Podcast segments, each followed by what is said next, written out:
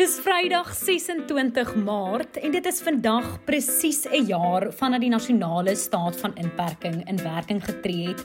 Dit was natuurlik 26 Maart 2020. Daar het so baie die afgelope jaar gebeur, maar daar het ook verskriklik baie die afgelope week gebeur waarvan jy moet weet. So laat ek jou gou op hoogte bring van die week se belangrikste nuus. Welkom by jou weeklikse nuus met Spiespot gooi, 'n wonderlike nuusoorseig met my, Mia Spies.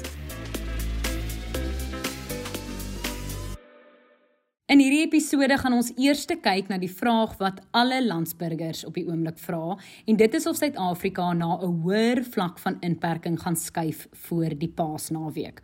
Ons kyk ook wat hierdie week by die Zondo-kommissie van ondersoek na staatskaping gebeur het. Ek som dit vir jou op. Dan kyk ons ook waar ons in die proses is dat die grondwet moontlik verander gaan word om plek te maak vir grondonteiening sonder vergoeding. 'n Kenner sê dit kan binne enkele maande gebeur. En dan kyk ons ook na die studentebetogings wat die minister van onderwys gesê het hy angstig oor is. So laat ons wegval met hoofnuus hierdie week. Soos ek gesê het, is dit vandag 'n jaar terug wat die nasionale staat van inperking begin het. Dit sou 21 dae lank gewees het. Dit was natuurlik heelwat langer, 365 dae langer want ons sit nog steeds in 'n staat van inperking. Op die oomblik is dit vlak 1. Maar met die derde COVID-19 vlaag wat volgens vooruitskattinge binnekort hier gaan wees, wil landsburgers weet of ons terugskuif na 'n hoër vlak. En toe die minister van gesondheid Dr. Willem Kiese donderdag tydens 'n onderhoud met SABC News gevra is of ons strenger ingeperk gaan word voor die Paastyd, het hy hierdie antwoord gehad. That matter is being finalized I don't have a full answer as we speak, but there has been recommendations that there must be stricter uh, lockdown uh, in the sense of restrictions. but then there were others who were actually requesting there should be easing of those. So the consultation, the consultative process takes into account the suggestions, the recommendations of the Ministerial Advisory Committee, and the concerns of the various sectors of the economy, the various uh, uh, social sectors, the churches, and everyone all of this have to be taken into account because what we have to take a decision on is what is in the best interest of South Africa. So dit beteken dat ons maar sal moet wag vir een van president Cyril Ramaphosa se familievergaderings waar hy gewoonlik hierdie aankondiging maak. Ons bly by COVID-19 nuus. Die voorsitter van Suid-Afrika se ministeriële advieskomitee oor COVID-19, professor Salim Abdul Karim, het hierdie week bedank. Die departement van gesondheid het dit donderdag in 'n verklaring bevestig en gesê professor Kuleka Mlisana neem hierdie rol oor. Nou na die Zondo-kommissie van ondersoek na staatskaping wat die week om verskillende redes in die hoofopskrifte was, die belangrikste is sekerlik dat die konstitusionele hof in Johannesburg donderdag 'n dringende aansoek aangehoor het waarin die kommissie vra dat oud-president Jacob Zuma aan minagting van die hof skuldig bevind moet word en 2 jaar tronkstraf opgelê moet word omdat hy 'n bevel van hierdie einste hof om voor die kommissie te verskyn verontagsaam het. Advokaat Tembeka en Kugatobi het namens die kommissie opgetree en gesê die hof moet beslissend optree in hierdie saak. If this is not stopped, there will be discredit to the court and there will be discredit to the institution of the judiciary. So this is not a case about freedom of speech. This is a case about a deliberate campaign to discredit the court. And it must be seen as such, period. Regter Daya Pillay wou weet of 'n ander straf, soos byvoorbeeld 'n boete, nie ook oorweeg kan word nie. Maar dit klink beslis nie of dit vir die kommissie 'n opsie is nie. What is the problem with a remedy that incorporates or gives an alternative to imprisonment, a fine as an alternative to imprisonment. What's wrong with that? Because it does not give appropriate weight to the harm. And it does not appropriately vindicate the authority of the court. And it ultimately reduces the assault to the dignity of the court into a money exchange. Now, that is just inappropriate. Uitspraak is voorbehou in hierdie saak, so dit beteken eintlik net dat die regters nou die meriete van die saak in hulle eie tyd sal oorweeg. Dan beweeg ons van 'n oud president wat weier om voor die kommissie te verskyn na die huidige president wat aangedui het dat hy wel volgende maand voor die kommissie gaan verskyn. Adjunk hoofregter Raymond Zondo het bevestig dat president Cyril Ramaphosa vir 4 dae lank, dis 22, 23, 28 en 29 April in die getuiebank sal wees. I understand that President Ramaphosa will uh, testify uh, representing the African National Congress, uh, but I have indicated that uh, from the Commission side, um, the uh, President will have to testify as President of the country and former Deputy President of the country but it's up to the ANC to provide its witnesses. But I understand that uh, he will lead that delegation as well in his capacity as president of the ruling party.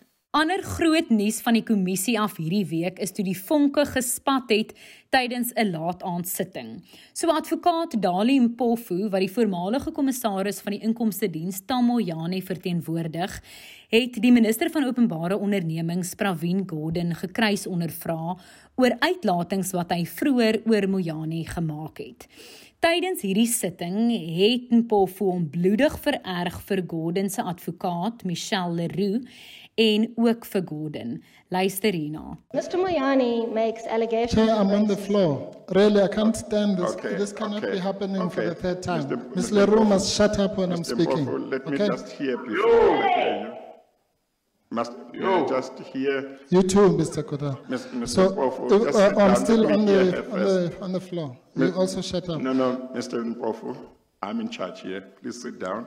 Adjunk hoofregter Raymond Zondo het later die week gesê hy het nog nooit gehoor dat 'n regsverteenwoordiger in enige hof of kommissie verander sê om te shut up nie. Not only was disrespect shown to